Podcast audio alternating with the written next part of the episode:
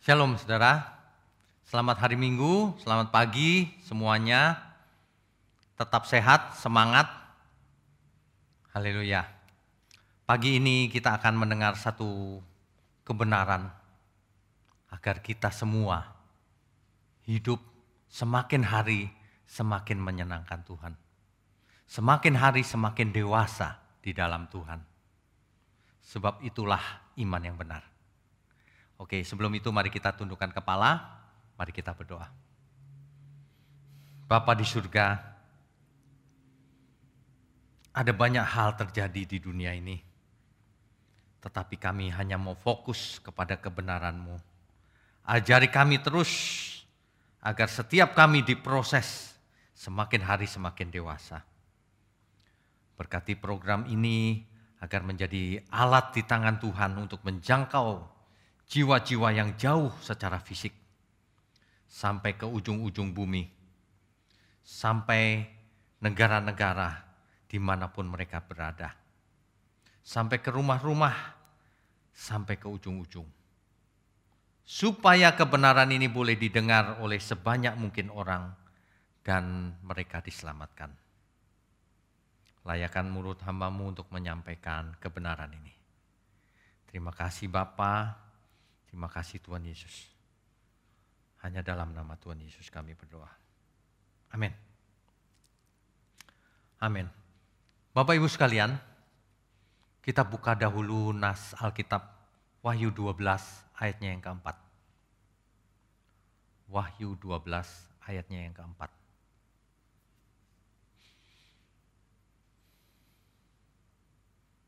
Atau dari ayat ketiga ya.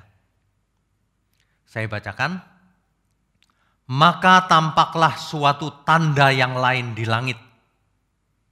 Dan lihatlah seekor naga merah padam yang besar. Berkepala tujuh dan bertanduk sepuluh. Dan di atas kepalanya ada tujuh mahkota. Ayat keempat. Dan ekornya menyeret sepertiga dari bintang-bintang di langit. Dan melemparkannya ke atas bumi. Dan naga itu berdiri di hadapan perempuan yang hendak melahirkan itu. Untuk menelan anaknya. Segera sesudah perempuan itu melahirkannya. Ayat kelima. Maka ia melahirkan seorang anak laki-laki yang akan menggembalakan semua bangsa dengan gada besi. Tiba-tiba anaknya itu dirampas dan dibawa lari kepada Allah dan ke tahtanya. Saudara sekalian, ayat ini mengingatkan bahwa ada seekor naga merah padam. Tentu yang dimaksud naga ini bukan binatang naga. Ini adalah personifikasi dari makhluk jahat itu. Si setan itu.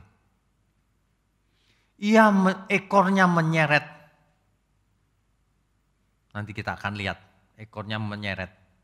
Sepertiga dari bintang-bintang di langit. Bapak Ibu kalau membaca kitab Wahyu harus mengerti lambang-lambang yang ada di sana. Seekor naga merah padam ini sudah pasti setan.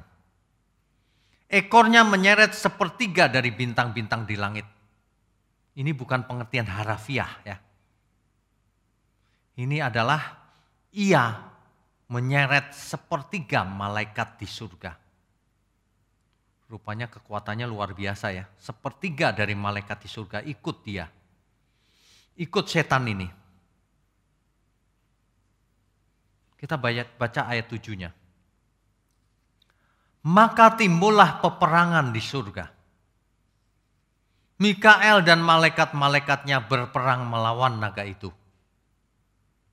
Dan naga itu dibantu oleh malaikat-malaikatnya.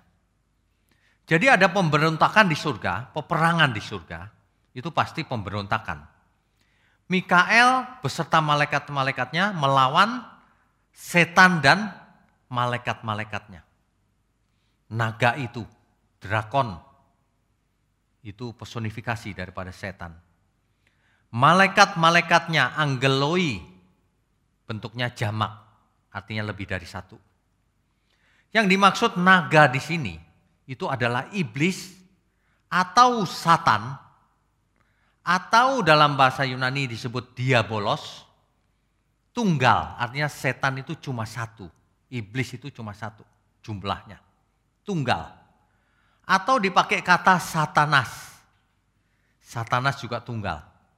Jadi setan itu hanya satu jumlahnya dan malaikat-malaikatnya malaikat-malaikatnya ini adalah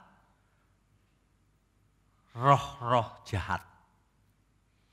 Daimones itu roh-roh jahat. Ya. Setan ini sering juga disebut si ular tua. Ya. Maka si ular tua ini dalam peperangan itu kalah. Tidak dapat bertahan. Sehingga mereka dilempar ke bumi. Kesalahan terbesar kesalahan terbesar dari makhluk surgawi yang diciptakan oleh Allah. Ia memberontak. Ia tidak tahu diri. Diberi kehidupan, diciptakan dengan kasih, diciptakan dalam kesempurnaan, tapi tidak tahu diri. Ia mau menyamai yang maha tinggi.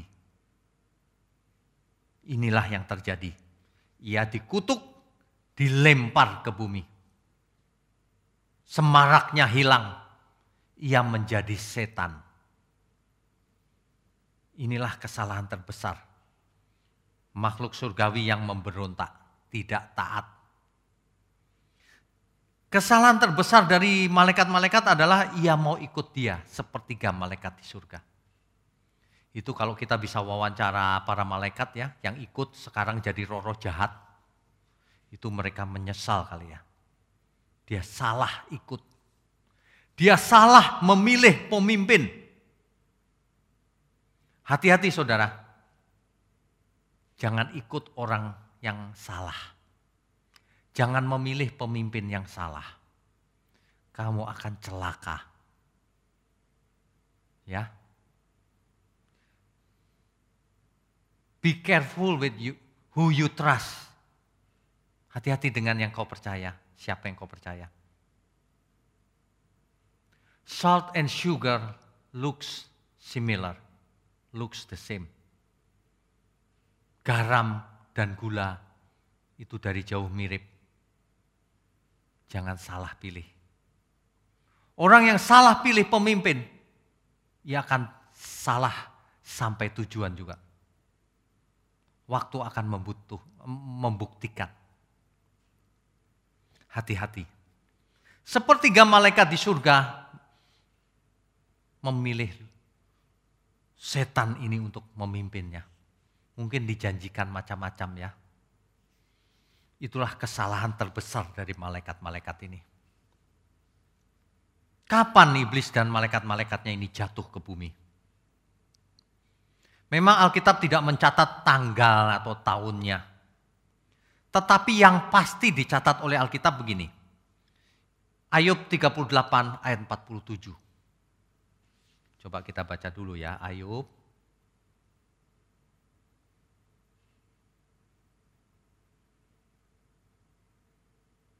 Ayub pasal 38.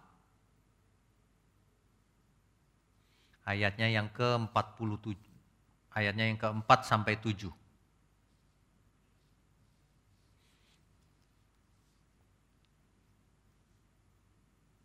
Saya bacakan ya.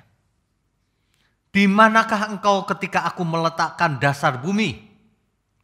Ini Tuhan sedang marah sama Ayub. Soalnya Ayub komplain. Lalu Tuhan tanya, di mana kamu ketika aku meletakkan dasar bumi? Ceritakanlah kalau engkau mempunyai pengertian. Siapakah yang telah menetapkan ukurannya? Bukankah engkau mengetahuinya? Ayub digituin sama Tuhan. Atau siapakah yang telah merentangkan tali pengukur padanya? Atas apakah sendi-sendinya dilantak dan siapakah yang memasang batu penjurunya? Pada waktu bintang-bintang fajar bersorak-sorak bersama-sama dan semua anak Allah bersorak-sorai. Ayat ketujuh menjelaskan bahwa ketika bumi, langit dan bumi ini diciptakan,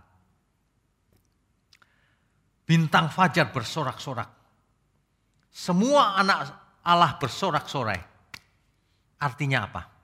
Artinya pada waktu langit dan bumi ini diciptakan, mereka sudah ada, para malaikat. Ya, jadi tentu saja jatuhnya sebelum penciptaan bumi. Jelas ya Bapak Ibu ya.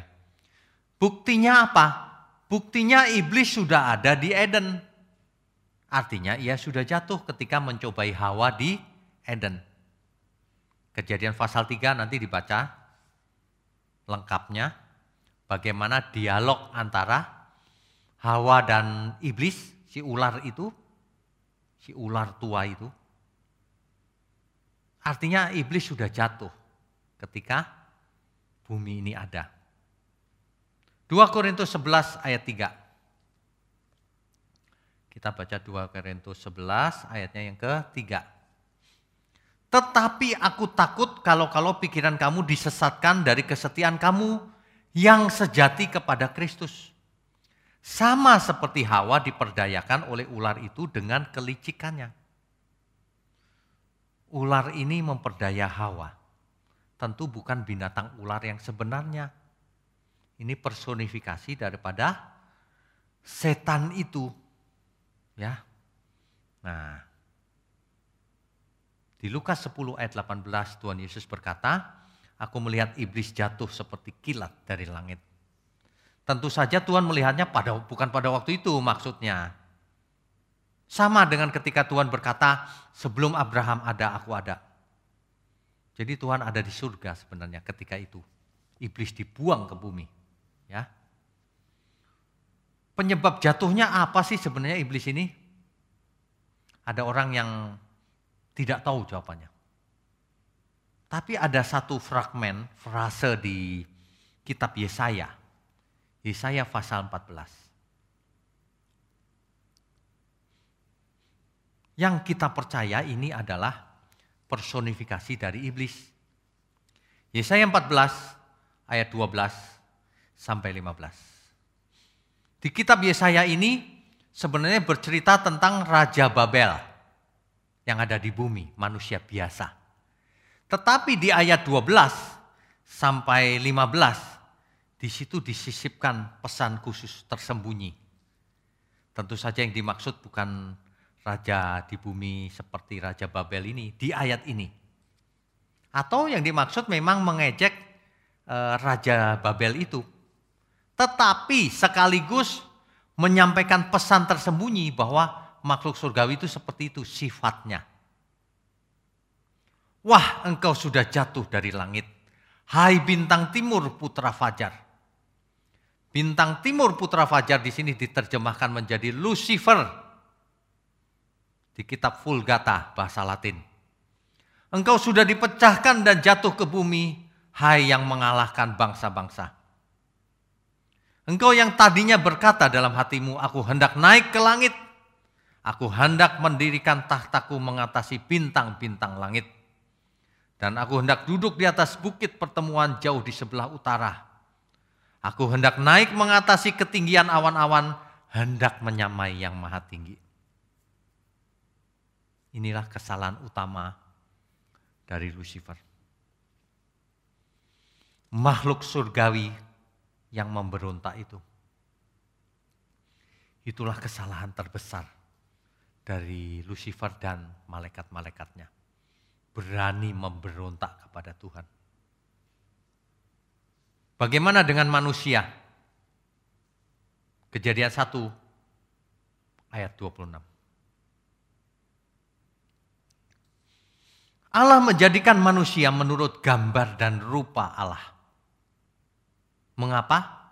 Supaya manusia menjadi penguasa di bumi. Manusia diciptakan memiliki keserupaan dengan Allah. Selem demut. Ini harusnya luar biasa. Bahkan dalam kejadian 2 ayat 7,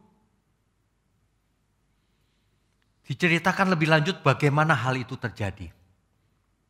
Yaitu demikian.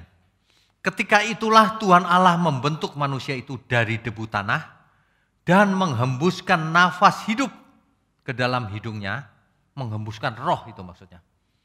Demikianlah manusia itu menjadi makhluk yang hidup.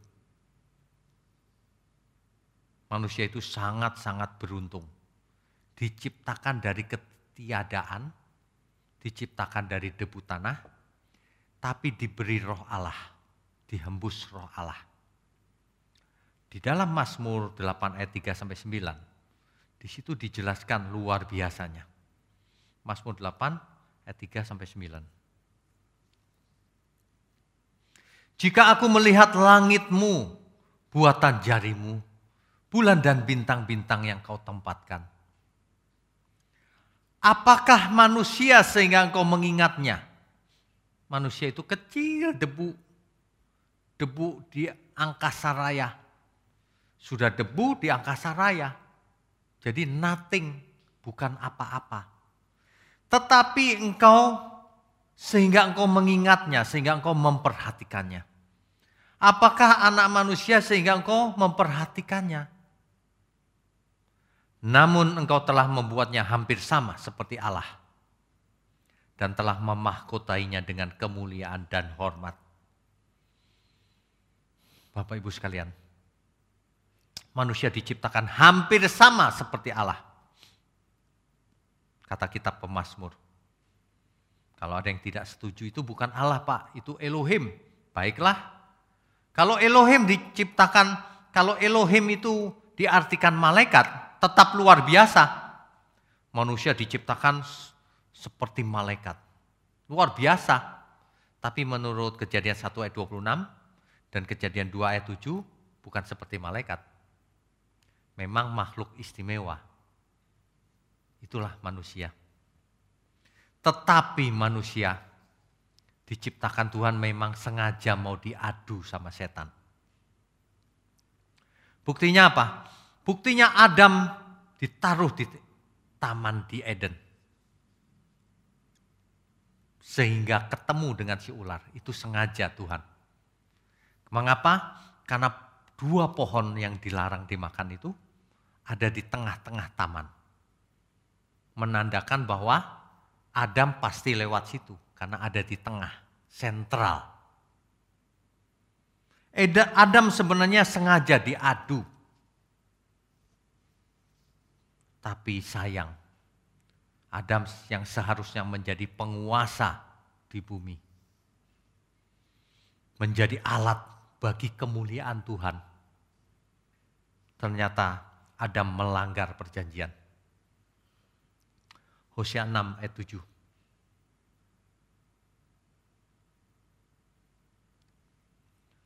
Tetapi mereka itu telah melangkahi perjanjian di Adam. Di sana mereka telah berkhianat terhadap aku. Terjemahan ini agak aneh, melanggar perjanjian di Adam. Adam bukan nama lokasi. Itu artinya begini, saudara. Tetapi mereka itu telah melangkahi perjanjian seperti Adam. Itu artinya. Adam melangkai perjanjian, dijadikan penguasa, malah mendengar suara iblis melalui istrinya. Dijadikan pemimpin, nggak bisa dipercaya. Diberi fasilitas luar biasa, tidak digunakan. Adam tidak bisa dipercaya. Mestinya kalau istrinya menyodorkan buah, ya ingat dong kata-kata Tuhan. Jangan dimakan. Ya pemimpin. Kok malah makan. Istrinya juga demikian. Diciptakan menjadi penolong yang sepadan. Malah jadi perongrong. malah menjatuhkan Adam. Hendaknya ini menjadi peringatan buat para istri. Jangan menjatuhkan suami. Dengan demikian juga peringatan buat para suami. Kalau istrimu salah jangan diikuti juga, kau pemimpin. Harus membawa keselamatan di dalam rumah. Amin Bapak Ibu. Kesalahan terbesar dari Adam. Diberi kesempatan tapi tidak taat. Mendengar suara Tuhan tapi ia lebih memilih mendengar suara istrinya yang berasal dari suara si ular. Kesalahan terbesar Adam adalah meremehkan perkataan Tuhan. Lebih percaya pada pihak lain dibanding perkataan Tuhan. Ini kesalahan terbesar. Ya, akibatnya fatal. Lucifer menjadi setan, malaikat-malaikat menjadi roh-roh jahat, Adam jatuh binasa. Mestinya hidup kekal menjadi hidup fana, sementara di bumi. Tragis hidup di bumi. Hari ini kita melihat ketragisan itu. Manusia rata-rata umurnya 70, 80 tahun. Ada yang 90 tahun. Tapi mulai sakit-sakitan pada umumnya. Manusia hidup pendek umurnya sebab berlalunya buru-buru dan melayang lenyap. Tragis ya. Kesalahan terbesar dibuat oleh Adam.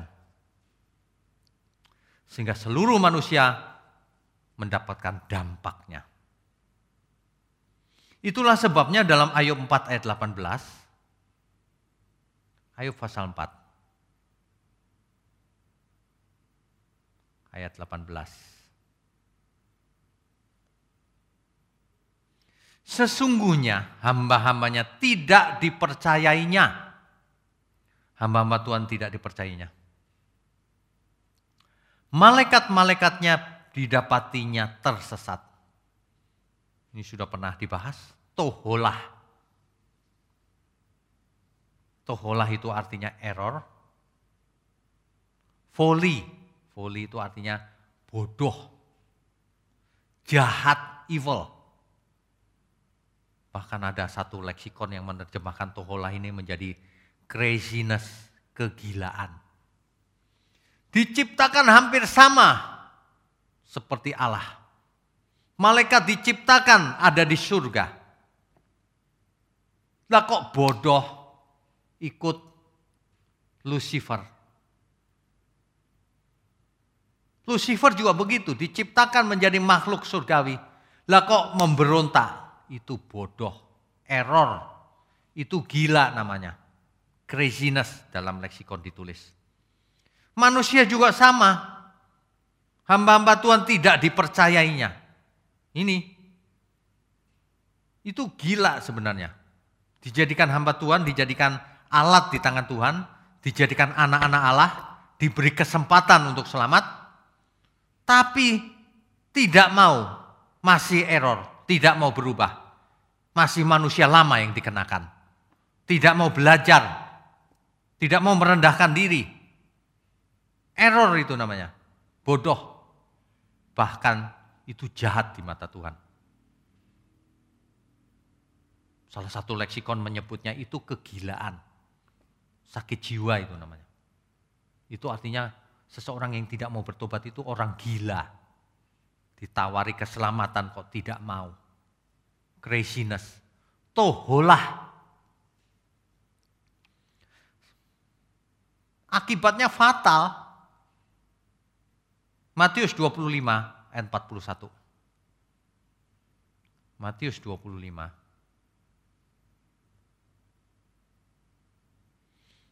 Ayatnya yang ke-41. Dan ia akan berkata juga kepada mereka yang di sebelah kirinya, enyahlah dari hadapanku. Hai kamu orang-orang terkutuk, enyahlah ke dalam api yang kekal. Yang telah sedia untuk iblis dan malaikat-malaikatnya. Api kekal itu disediakan untuk iblis dan malaikat-malaikatnya. Termasuk orang-orang yang ditolak atau diusir Tuhan ini. Jadi neraka itu adalah api kekal Ya. 2 Petrus 2 ayat 4. Sebab jikalau Allah tidak menyayangkan malaikat-malaikat yang berbuat dosa, tetapi melemparkan mereka ke dalam neraka, dan dengan demikian menyerahkannya ke dalam gua-gua yang gelap untuk menyimpan mereka sampai hari penghakiman, maka manusia juga demikian. Api kekal, itulah yang disebut neraka di Alkitab. Dipakai kata Gehenna. Api kekal. Langit dan bumi yang sekarang inilah yang akan menjadi api kekal itu. Banyak orang membayangkan uh, neraka itu adalah dunia roh. Orang tidak mengerti bahwa neraka itu api kekal. Bukan dalam dunia roh, itu dunia fisik. Yaitu bumi kita ini dan langit kita ini yang akan menjadi lautan api. Ini menurut Alkitab. Jangan pakai pikiran sendiri. Ada amin ya.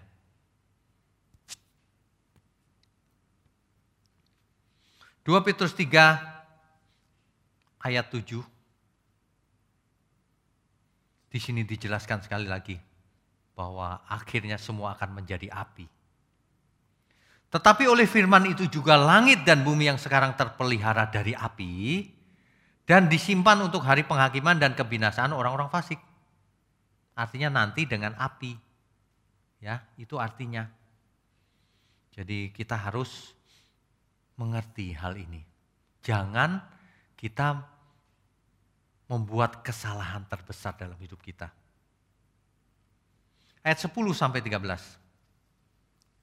Tetapi hari Tuhan akan tiba seperti pencuri pada hari itu langit akan lenyap dengan gemuruh yang dahsyat dan unsur-unsur dunia akan hangus dalam nyala api. Nyala api ya saudara. Dan bumi dan segala yang ada di atasnya akan hilang lenyap, terbakar habis. Jadi jika segala sesuatu ini akan hancur secara demikian, betapa suci dan salehnya kamu harus hidup.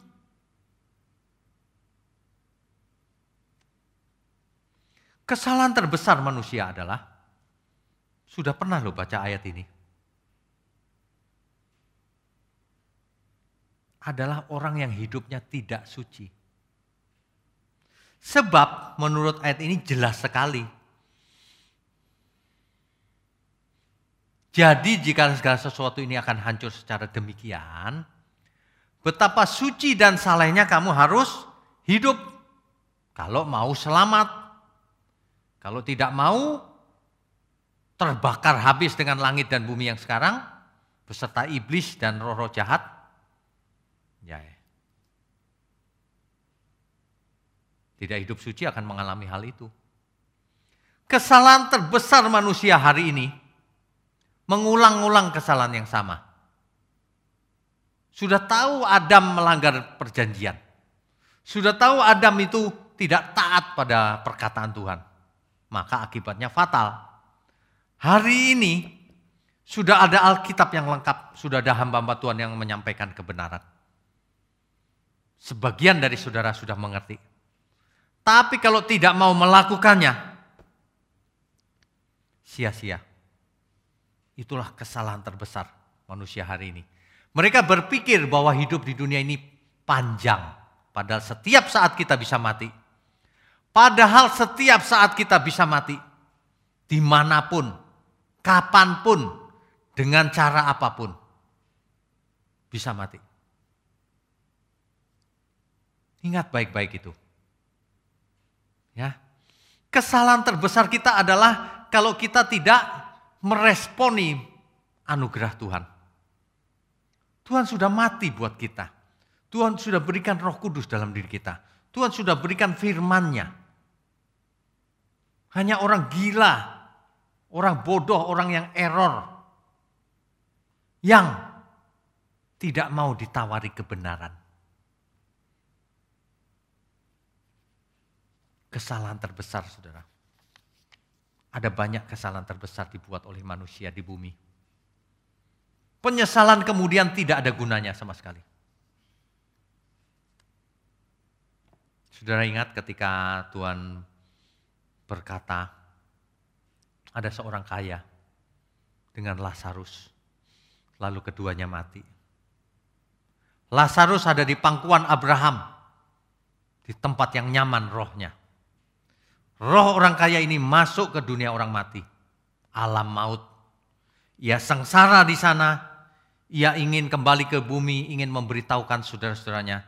Supaya tidak mengalami hal yang sama. Supaya tidak me melakukan kesalahan yang sama.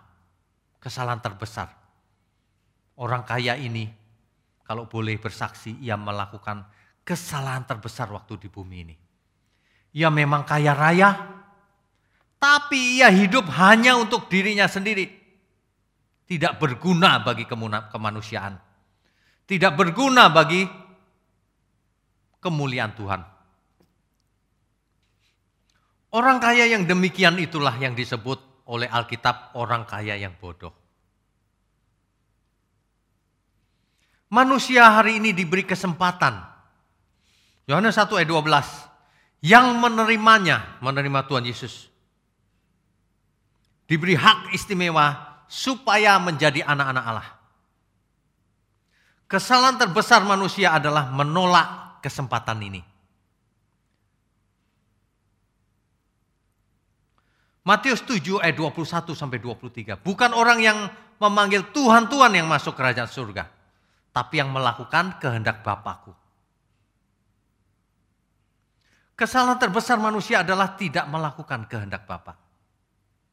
Tidak melakukan kehendak Tuhan Yesus.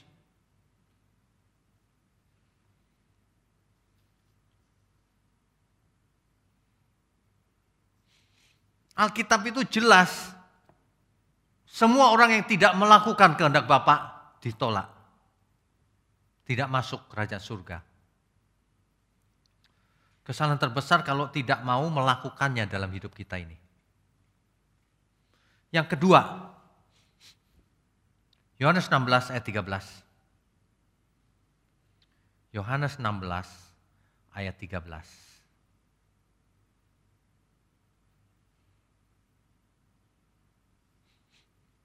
Tetapi apabila ia datang yaitu roh kebenaran, ia akan memimpin kamu ke dalam seluruh kebenaran.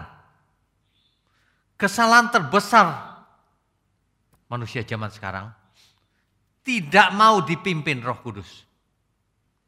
Tidak mau belajar kebenaran karena Roh Kudus memimpin kita kepada seluruh kebenaran dan kebenaran itu tertulis dalam bentuk firman kebenaran Alkitab. Kesalahan terbesar orang sekarang Alkitabnya ada tapi ia tidak mau baca, tidak mau belajar. Yang mau belajar juga comot-comot ayat, pilih-pilih ayat yang menyenangkan hatinya. Bukan mau mengerti seluruh Alkitab. Suatu hari akan menyesal. Panggil si Bapak di surga. Bapak kami. Tapi tidak hidup sebagai anak Bapak di surga Manggil si Tuhan, Tuhan. Tapi tidak hidup sebagai hambanya.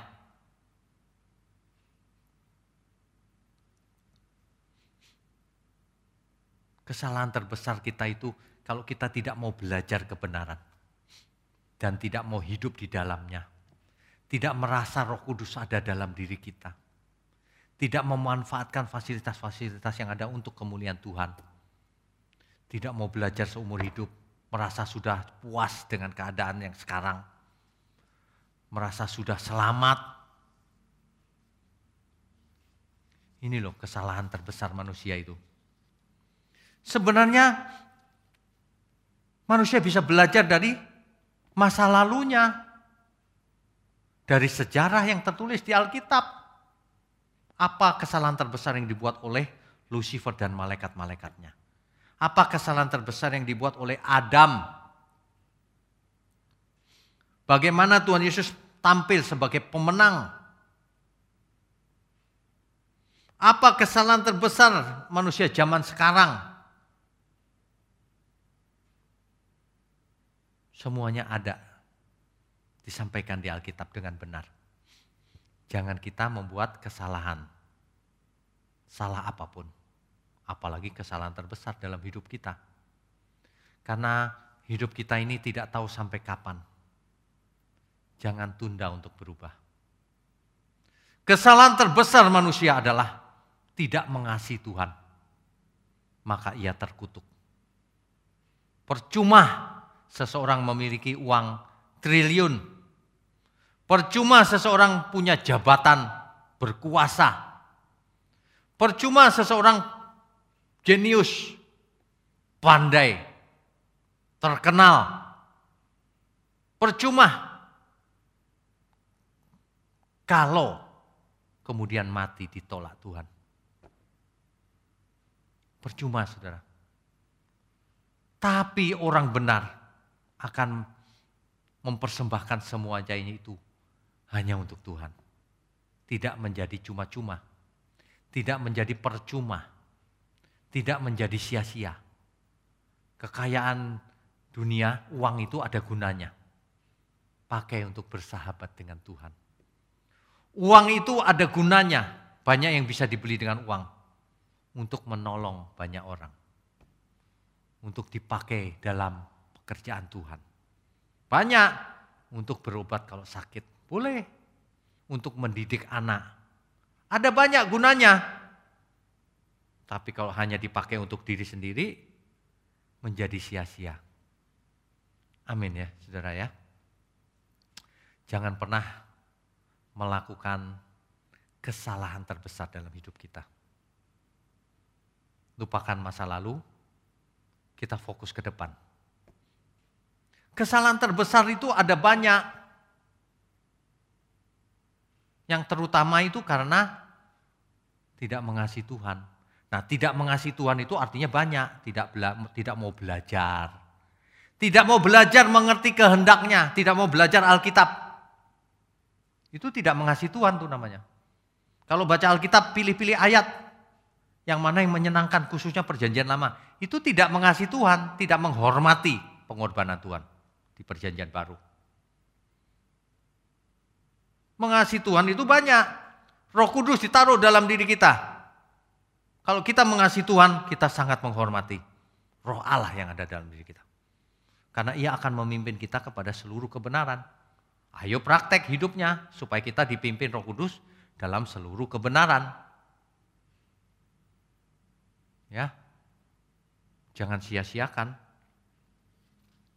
Hidup ini pilihan. Kalau orang yang melakukan kesalahan terbesar dalam hidupnya, ia akan menyesal kemudian. Tapi kalau menyesalnya sudah terlambat, maka percuma seperti orang kaya yang bodoh itu. Ia sadar ia mau balik tapi sudah tidak ada kesempatan. Seperti Esau yang menganggap ringan hak kesulungan, ia meraung-raung menangis di hadapan ayahnya, minta berkat yang sama dengan yang Yakub dapatkan. Tapi sudah tidak bisa. Sudah tidak ada. Ya. Hari ini kita belum sampai kepada akhir hidup kita. Jangan buat kesalahan yang terbesar. Ayo belajar. Agar seluruh hidup kita itu menyenangkan Tuhan. Amin. Amin.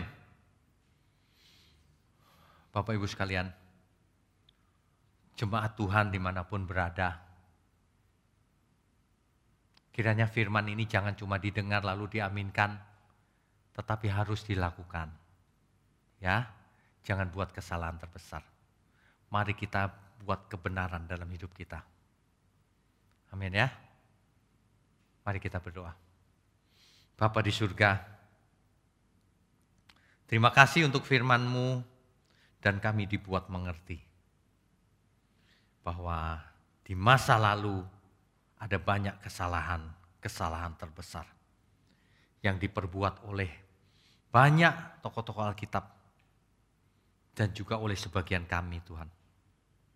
Ke depan kami tidak mau buat salah lagi. Kiranya Roh Kudus mengingatkan kami semua. Selalu ingat untuk tidak berbuat salah apa pun. Selalu ingat hidup dalam ketakutan, takut berbuat dosa. Terima kasih Bapak, berkati program ini gerejamu agar menjangkau sampai ke mana pun Tuhan kehendaki. Sampai ke ujung-ujung bumi tanpa hambatan, tanpa gangguan apa pun. Tuhan berkati siapa pun yang mendengarnya dan yang mengerti, merenungkan, dan terutama melakukannya. Terima kasih Bapak, kami sambut segala berkat yang turun dari surga. Di dalam nama Bapa, Putra, dan Roh Kudus. Haleluya. Amin.